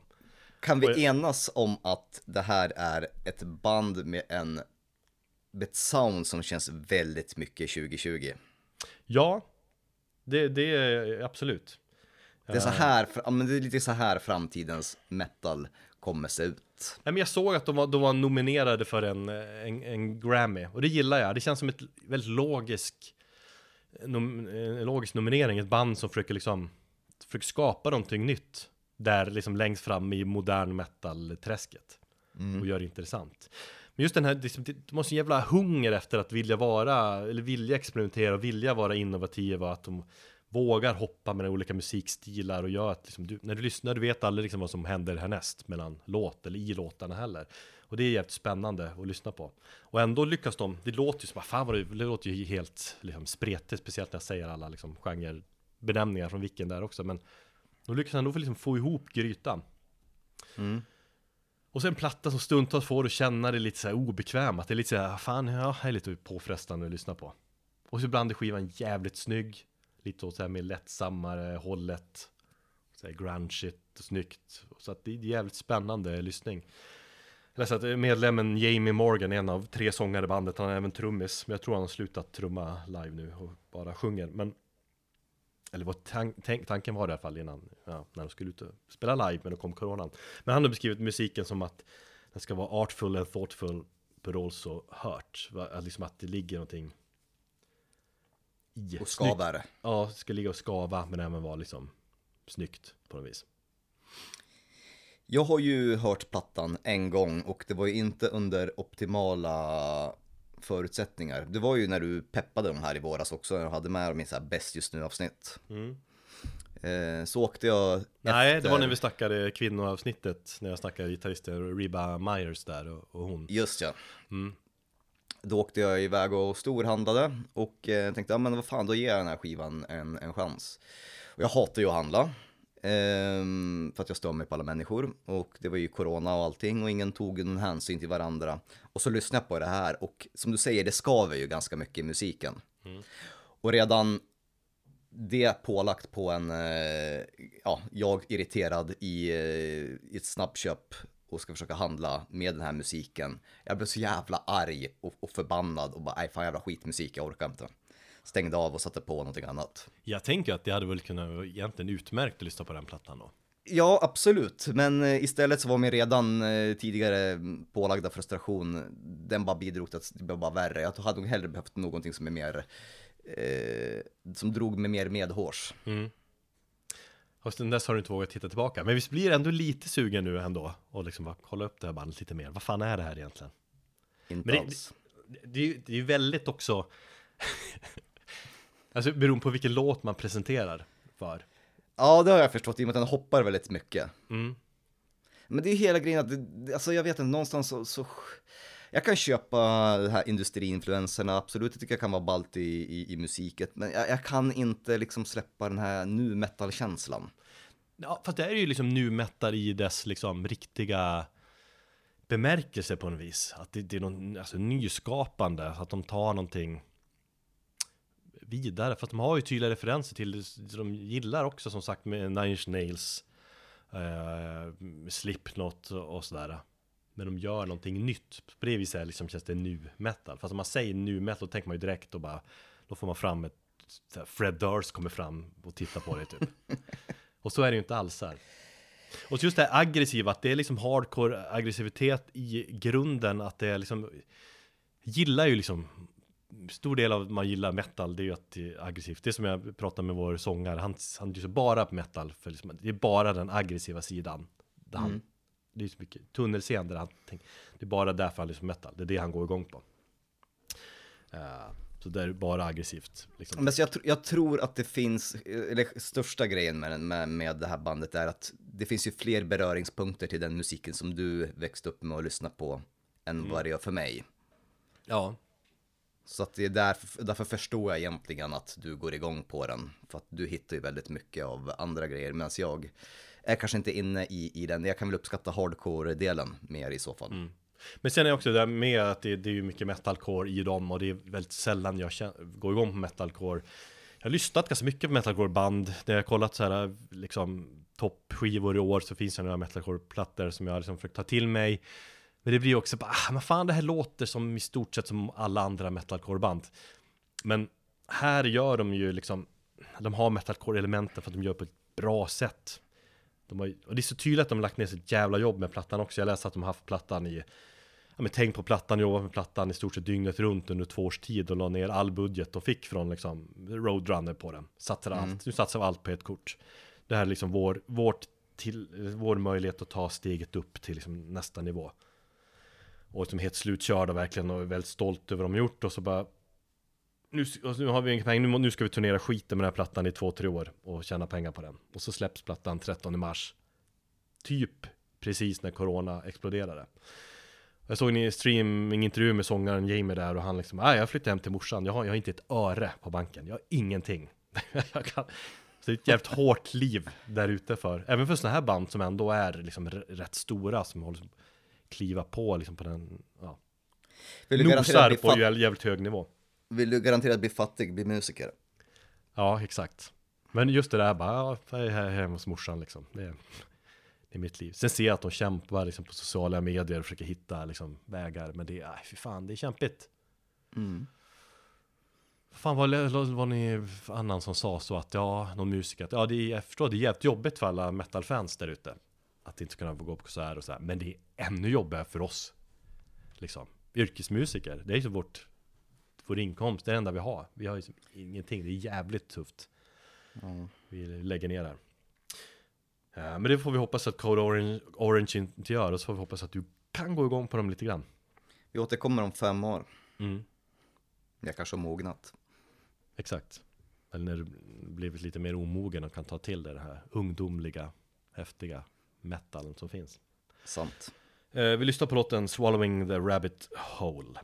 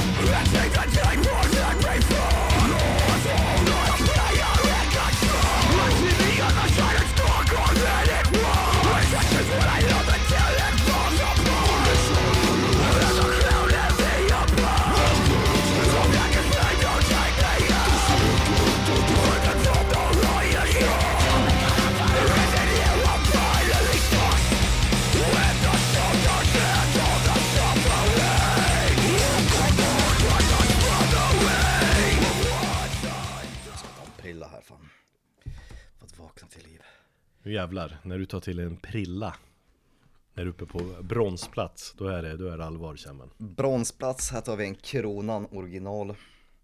Jävligt sven, svennigt Vilken är din favoritsnus? Är det den som gäller? Ja, just nu har jag hållit på och bytt sig, i och med att jag, jag snusade ju fan 16 år, sen så la jag av när min förstfödde föddes och eh, var snusfri fram till mars när coronan kom. Och då fick jag för mig att helvete nu är jag så stressad, jag måste ha snus. Så jag har alltid gillat grov portion. Eh, dock så är snusen så jävla mycket dyrare nu än vad den var när jag snusade. Så att eh, jag har experimenterat och ska hitta någon som är inte för dyr men som jag ändå gillar. Så att nu är det, ja det är kronan. Alla de här liksom tjejsnus sådana då, Om man säger så Ja men jag, jag körde det, jag körde de här Catch eh, Ja. Spearmint i, i, i början. Den är svingod men jag märkte att de var så små och jag snusade dem så jävla mycket så att eh, jag snusade upp en sån här dosa väldigt snabbt. Så tänkte jag, men då köper jag på vanliga för då håller den faktiskt i en vecka. Jag snusar inte så mycket. Jag har aldrig kunnat snusa, jag, jag, från, det ligger kvar från min ungdom när jag försökte Eller senast var det typ jag försökte ordentligt 2003, 2004, jag var ihop med en tjej då som snusade jämt och så bara Satt vi i samma rum där, jag blev så jävla snusyr och, och förstörd. Men ibland på fyllan tar jag en jävel och då tog jag en där här i Järfälla och tänkte att ah, men det är rätt schysst nu då. Så blev det snurrig. Ja. Men jag är, jag är alltid jävligt orolig ändå, jag vågar bara ha i den en liten stund. Så jag känner lite grann, då, då kastar jag ut den direkt. Så jag är en mes när det gäller snus. Ingen, ingen riktig norrlänning. Men de här äh, Får man säga, är de, är de stämplade som tjejsnus? Det känns som så Ja, det du kan säkert kränka någon om du säger så. Nej, men det är väl bara någon lättare variant. Det finns ju en miljard olika jävla smaker. Allt från lakrits och skogsbär till gummibjörnar och Ja det är väl det som är grejen, att det är lite, hallon, liksom. exakt, det är lite nyare smaker som inte har funnits På min tid så fanns röda lacket. Då började jag. Det var i och för sig också väldigt lätt att, att snusa det för det var som gummi och bara st- sticka ut. Men sen körde jag grov portion under 16 år. Jag vill att Så du är går det. tillbaka dit Stora prillor Baka Ja. stora prillor i Men det här är, det här är faktiskt eh, en stor or, eh, originalprilla, originalstorlek. Var det så att du hade både överläppen och underläppen? Det var riktigt hardcore Eh, ett tag kunde jag ha två i, absolut. Det kunde jag. Det har jag inte just nu. Jag försöker ändå begränsa mig. Prillan är i, eh, bronsplats och eh, min personliga etta.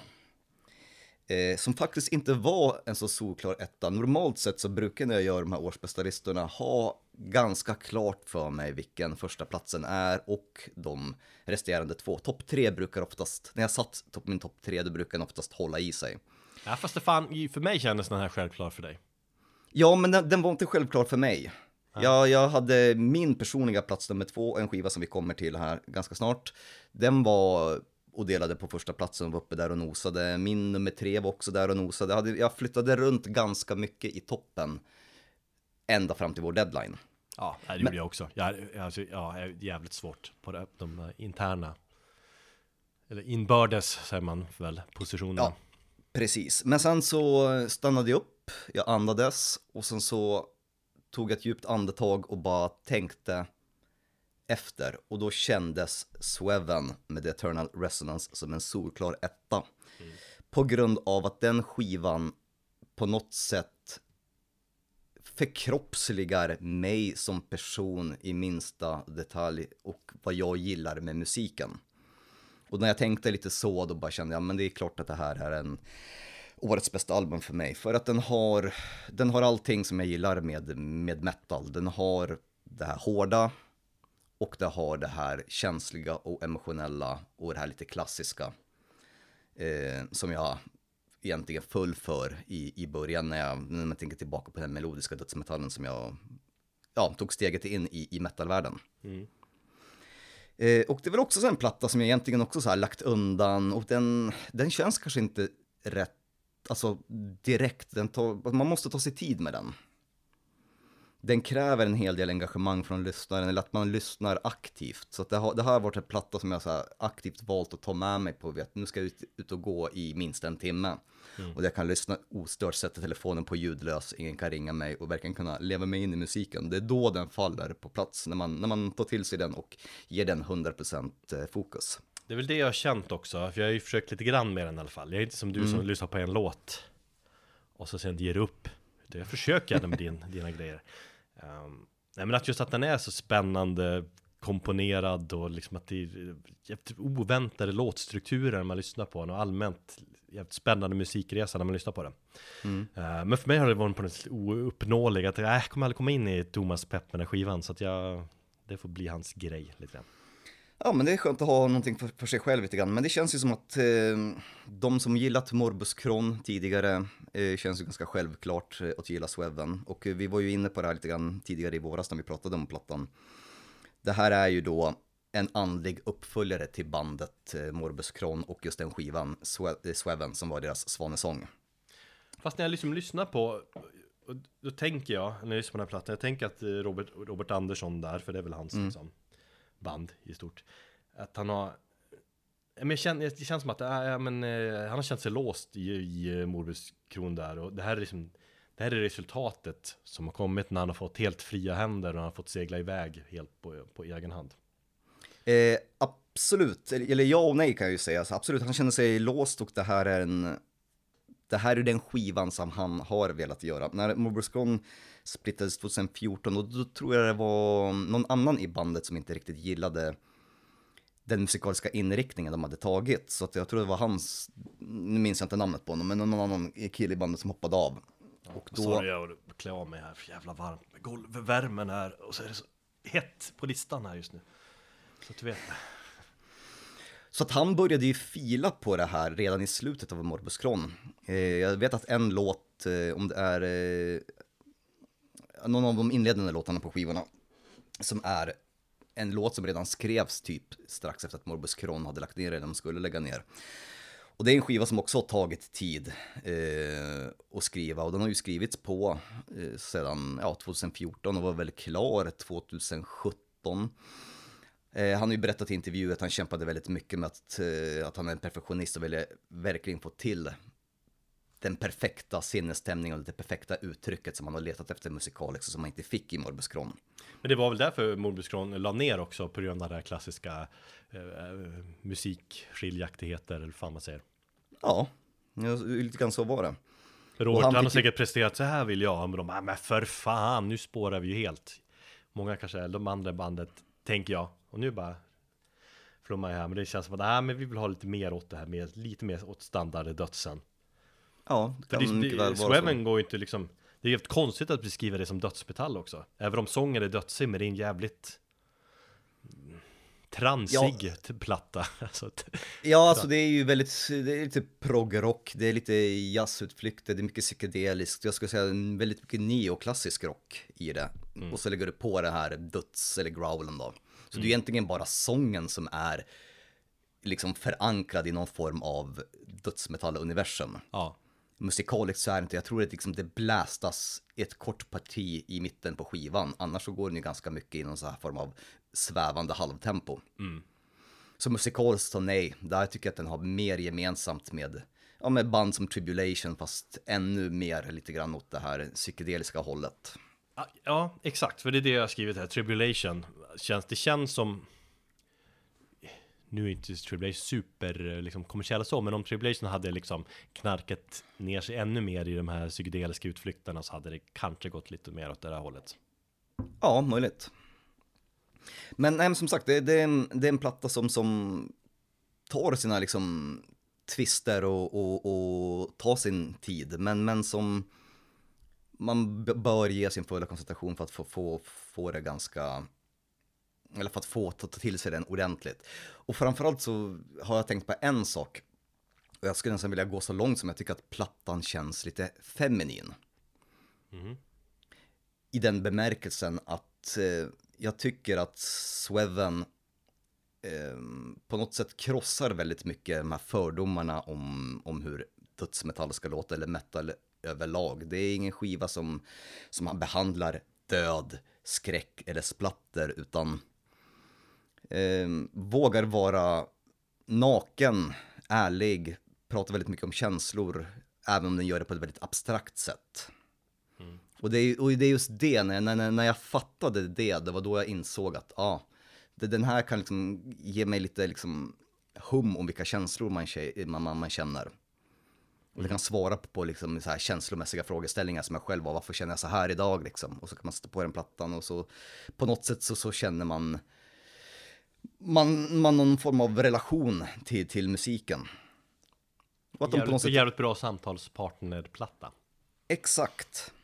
För jag tror de flesta känner när man lyssnar på den här plattan som jag gjorde också, för jag, att bara, "Jaha, låter den så här? Det trodde jag inte. Jag trodde det skulle vara hårdare eller mer dödsig. Eller så här. Ja, det, men det, det är en, helt annan känsla än vad man Det är som Robert, ja, det är som Robert Andersson själv sa, det här är väl den plattan han har velat göra under väldigt, väldigt lång tid och nu fick han verkligen möjlighet att göra det när Morbus Kron la ner. Så den var ju färdig där 2017 och sen så tog det tid att spela in och sen så tror jag att han, han släppte lite grann på den här perfektionismen och så sa han, nej, antingen lägga ner skiten, för jag kommer aldrig uppnå perfektion i den grad som jag vill, och så bara släpper jag den så som den är. Och jag tycker att eh, gjort det jävligt bra. Jag tror han fått lite hjälp där av eh, vet han, David Castillo där från eh, Gröndalstudion och sånt Just där. ja. Och, och eh, Magnus Lindberg, eh, masterat, han som är också medlem i Kaltevluna, så han, han masterar mycket plattor. Jag tror de har liksom piffat upp och hj- hjälpt honom med att få liksom upp ljudbilden på plattan och sådär, med, med soundet. Så att han har fått den lilla knuffen, om man säger så. Nej, som sagt, så ta, ta dig eh, an Sweven som en samtalspartner, precis som du sa, när du behöver få, ha lite svar på, på, på, på, på, lite frågor som du har, existentiella frågor kanske. Eh, och lyssna på den i, i lugn och ro. Sweven, The Eternal Resonance på plats tre. Vi, låt, vi lyssnar på låten Miselia.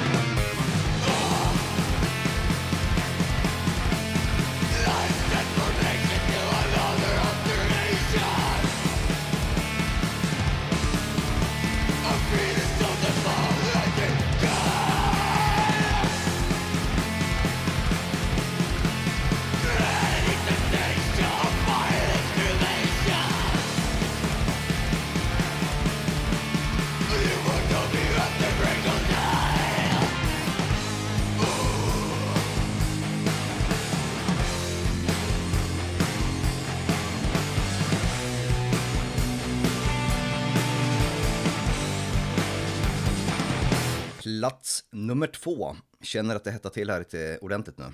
Mm. Nyzéländarna Ulceret med den fantastiska skivan Stare into Death and Be Still. Eh, den där titeln var jag inte sådär riktigt förtjust i i början. Jag tyckte den kändes ganska emo. På det här, du vet, parsiga emo-sättet. Mm. Ja det gör det ju, men det, jag gillar det som fan. Mm, men, men till slut när man liksom lyssnar på plattan, tar sig till lite texter och, och förstår vad den handlar om så, så tycker jag att eh, det är ett fan ett jävligt bra, det är en bra albumtitel. Och den, har vi den, inte pratat om den albumtiteln tidigare här? Kanske vi inte har, jag vet inte. Det Nej, jag, jag tror inte det. Nej. Nej men jag gillar den som fan. Eller det kanske vi har gjort nu när jag tänker efter faktiskt. För jag tror att vi har, um, ja skitsamma.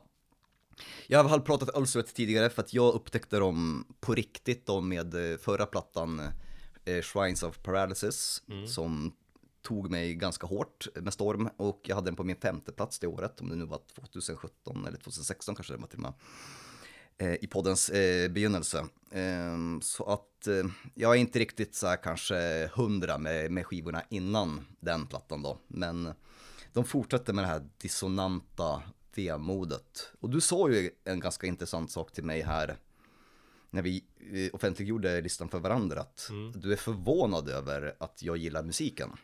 Ja, jag- har kommit in i den här plattan nu ganska nyligen också.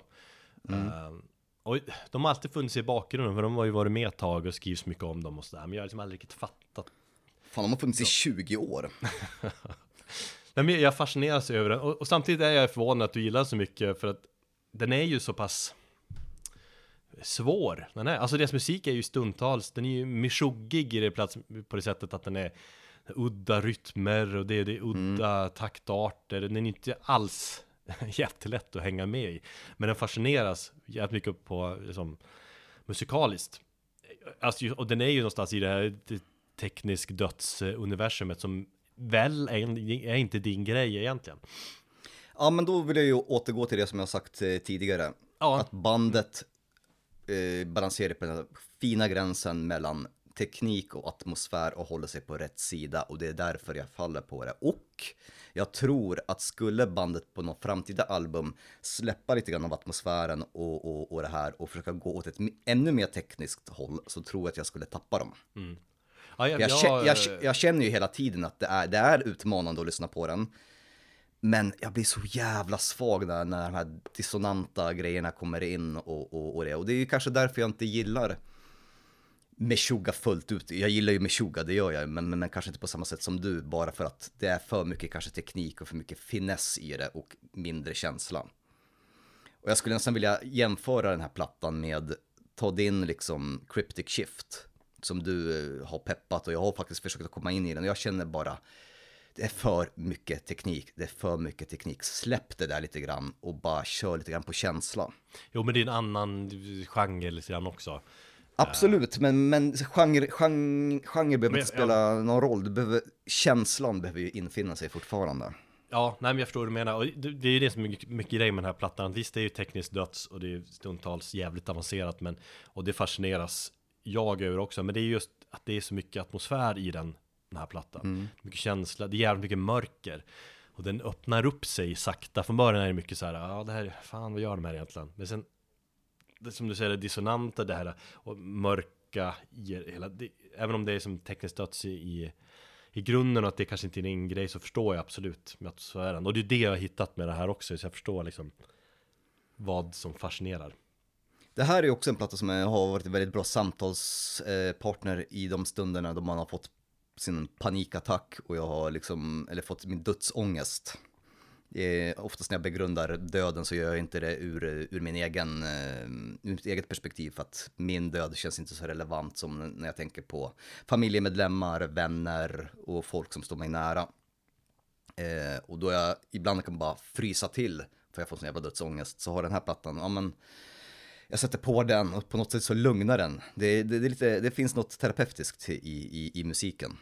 Det, den, jag tänker direkt, när du säger så tänker jag på Neurosis, för de har den effekten på mig. De är liksom tittar på döden hela tiden, men man står bara liksom lugnt och tittar på den. Ja, exakt. Du står på en klippa på en avsats och så stirrar du ut över en massiv jävla avgrund som, som är döden. Och så tittar du på den och så kan du bara förundras. Och det är ungefär där man, där man känns. Det känns som att vi är någonstans där, både du och jag i, i våra samtal. Att vi, vi, vi tänker och begrundar döden väldigt ofta runt omkring oss och det som har hänt liksom, i våra personliga liv. Och, och så. Och, och så den är ju konstant närvarande, men vi, du och jag, är ju inte där än. Men vi kommer dit snart, förhoppningsvis snabbare än senare. Jag låg med min migrän igår och tänkte fan det kanske är en, någon typ av hjärntumör ändå. Så låg jag och fantiserade för mig själv att ja, det är nu dö döende sen. Mm. En sjuk jävel. Och jag har ju också kommit på mig, jag har ju sagt det tidigare, den funkar jättebra i löpspåret. För den har verkligen fått mig att liksom dra på extra farten när jag känner att jag inte orkar. För att jag bokstavligt talat springer ifrån döden. Jag känner att den liksom så här hasar den i, i hälarna. Och då bara kommer jag in i andra andningen och kör på och fortsätter. Så det är, en, det är en bra motivator och den får en att tänka att man kanske inte riktigt vill vara död ännu. Någon, när tror du att du kommer vilja vara död då? Ja, det vet jag inte. När jag, när jag känner någon, någon inre lugn och, och känner att jag kanske är färdig med mitt liv. Jag jag, jag hoppas ju någon gång att jag kan känna så att nej, nu är det dags.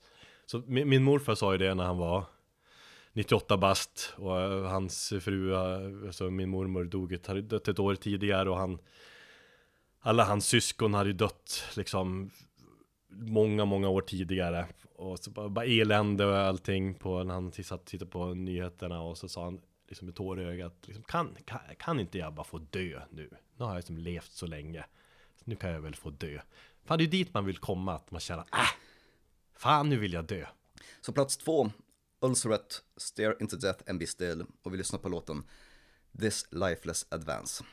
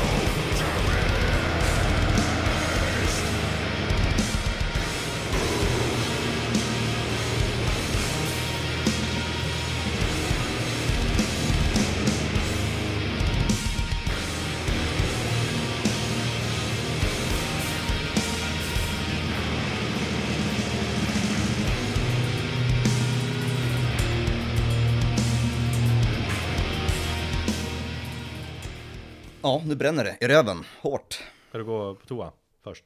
Nej, nej. jag säger att nu är det hett. Hetare än så här kan det inte bli. Årets album.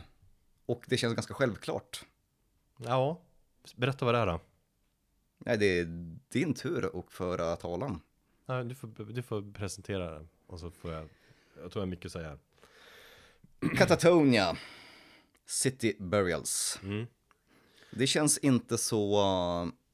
Det känns inte så konstigt, eller hur? Nej, det, det är på det viset. Den ju... Det är lite intressant det där. Förra årets etta var Opeths senaste. Exakt, det är det jag mycket tänkt på. Att vi, vi kommer tillbaka till liksom lite grann av de här ja, banden som vi växte upp med och, och så här säkra kort. Så här har vi ändå hittat någon form av gemensam nämnare, även om jag hade den utanför min topp eh, 10. Jag hade den på plats nummer 11. Mm, du har ändå jävligt högt upp. Och jag vet att du är lite tveksam till den har jag sett på när du diskuterat skivan på något Instagramkonto. Men det kommer vi också till. Men det är just att, liksom att vi har Micke Åkerfeldts band förra året och så nu har vi hans polare Jonas Renkses band som släpper nytt med Katatonia och då hamnar den högst upp. Eller eller jag vet inte om det är intressant. Men däremot är vi ju båda svaga för Katatonia. Eller Katatonia Absolut. som jag gillar att säga ibland. Eller som jag har slutat säga. De berör fortfarande så långt in i karriären. Minns du att vi pratade om den här plattan i typ maj med frågeställningen just om hur mycket Katatonia berör i coronasamhället? Vagt, men ja. Ja, jag vet inte vad vi kom fram till dock. Men jo, eller jag kom fram till att den... Men då hade vi precis... Vi sköt upp inspelningen för att vi skulle hinna och lyssna på plattan någon gång. Sådär. Ja, och jag vet att jag väntade med, jag fick en promo väldigt tidigt, men jag sa till och med, jag tackade nej till promon och, och sa att nej, jag väntade så jag har vinylen i handen. Jag tycker att det är en fantastisk platta. Och jag har lyssnat mycket på den här plattan. Det är den skiva jag har lyssnat på mest i år enligt Spotify. Och även här, jag har haft mina löpturer och promenader i skogarna. Jag tror jag bara gått in i skogen och bara gått med den här plattan. Och så trots att det är liksom innan sommaren är ju inte rätt tid för VM-modemusik. Det brukar vara hösten som är bästa tiden för det. Så har skivan varit var jävligt fantastisk liksom följeslagare att ha. Och för mig beror det på lite olika faktorer. Dels så är den här skivan, den, den är ju lite mer koncentrerad igen än förra plattan. Då var de också, de var lite på, på, på väg på något mer så prog metal äventyr där. Just det. Mm. Den var lång den plattan också, typ en timme och en kvart eller sådär känns som. Den här skivan är betydligt kortare, lite mer direkt. Mm. Eh, och så är det här Renkses platta framförallt. Han har skrivit alla texter, han har skrivit all musik. Och, och med tanke på att det skulle bli eller tanken med plattan var väl att det skulle bli en soloplatta om jag förstått rätt. För Katatonia låg lite skört till, de hade typ Vissa, lagt låt, ner, det lå- låg på, på paus liksom. vissa låtar skulle ju vara tänkt till hans eh, soloprojekt, jag tror det är låten La Care. Mm. Var ju skriven för hans soloplatta som de valde att ta med sen på, på den här, gjorde om lite grann och så. Nej, som jag förstod det har han skrivit, alltså allt var typ tanken. Han har skrivit musiken. All right, ja, Eh, kanske. Och så blev det en Katatonia-platta ändå. Och sen har de andra varit med och, och hjälpt till och arrat då. Liksom. Eller jag antar att det är radarpartnern där. Eh, Anders Nyström som har varit med lite så. Men det är ju först och främst Jonas Renkses produkt på något vis.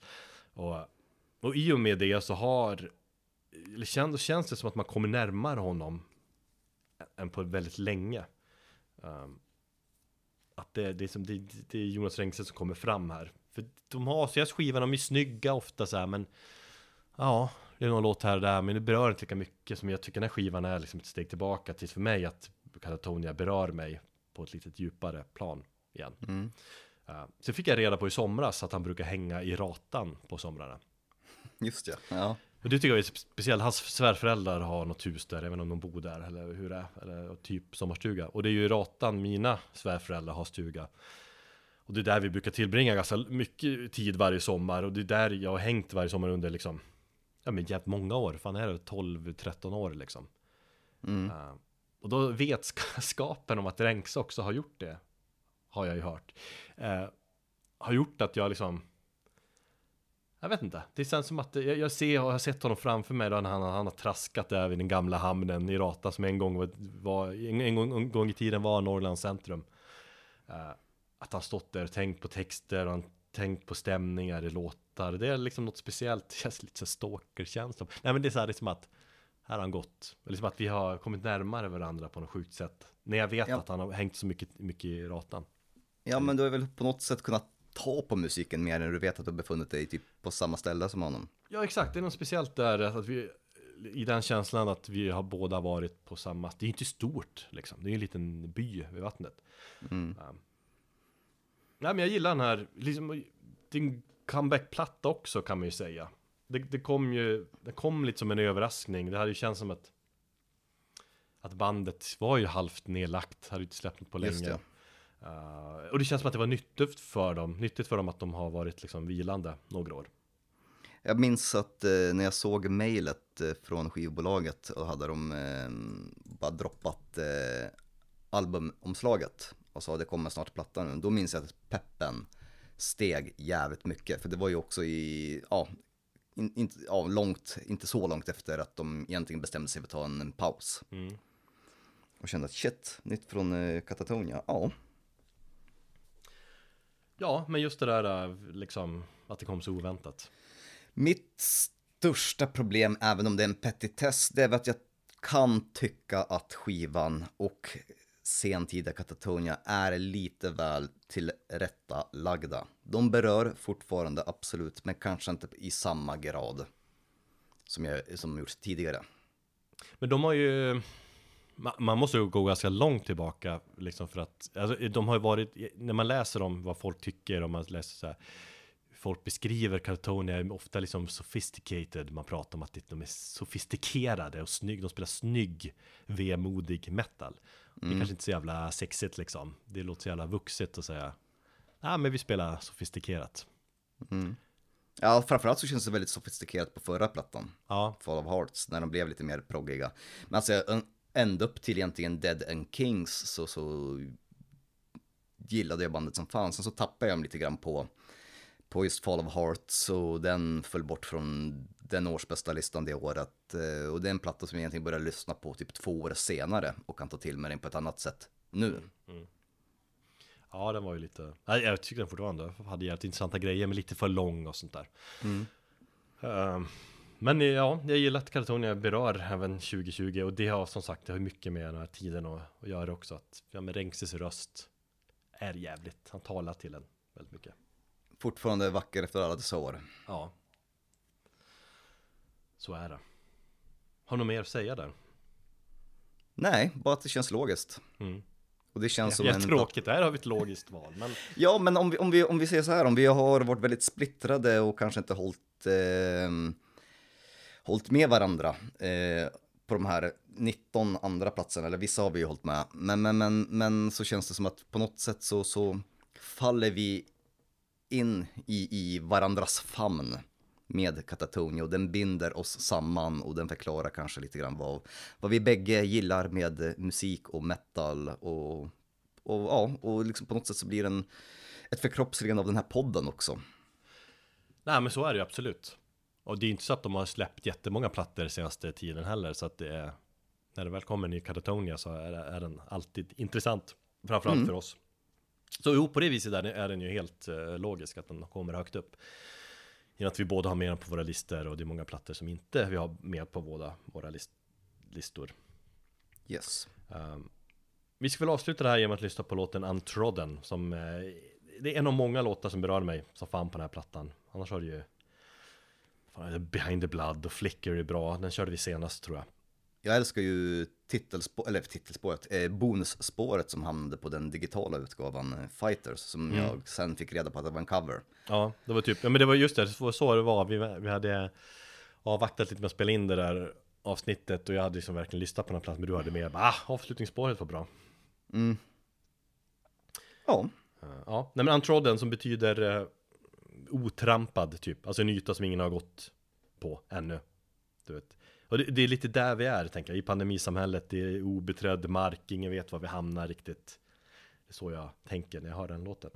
Och så jävla rängs i slutet där också, vi ska, jag ska lyssna ganska mycket på den, det är, där han, han sjunger liksom att I would love to su- surrender to nothingness. Det är mörkt och det är emo.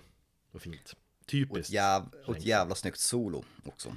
Och, och framförallt solot. Det är ett solo som jag kanske nämnde senast också. Men, ja, vi spelar inte den låten då i alla fall. Men det är ett, så här, det är ett gitarrsolo som berör. För att det är så jävla snygg gitarrton och det är så mycket melodi på det. Det är så jävla vackert. Och, och som jag säkert lyssnat på 50 gånger i år.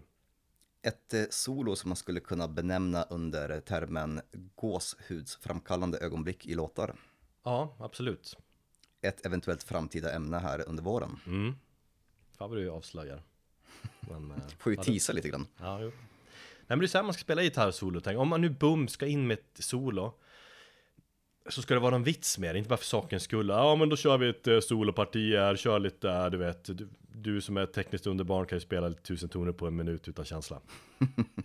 Sådana solon har jag liksom inget för, det är väldigt sällan jag går igång på det här generiska metal-solot. Men här är det en helt annan grej. Untrodden-solot är fan årets bästa solo Det kan vi fastställa. det kan vi fastställa.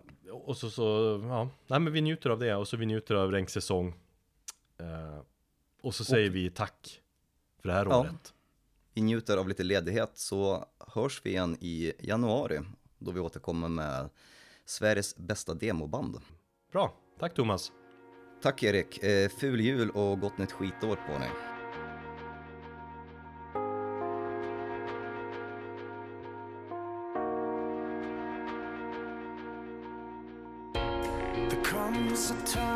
For all of us to set our unfortunate selves.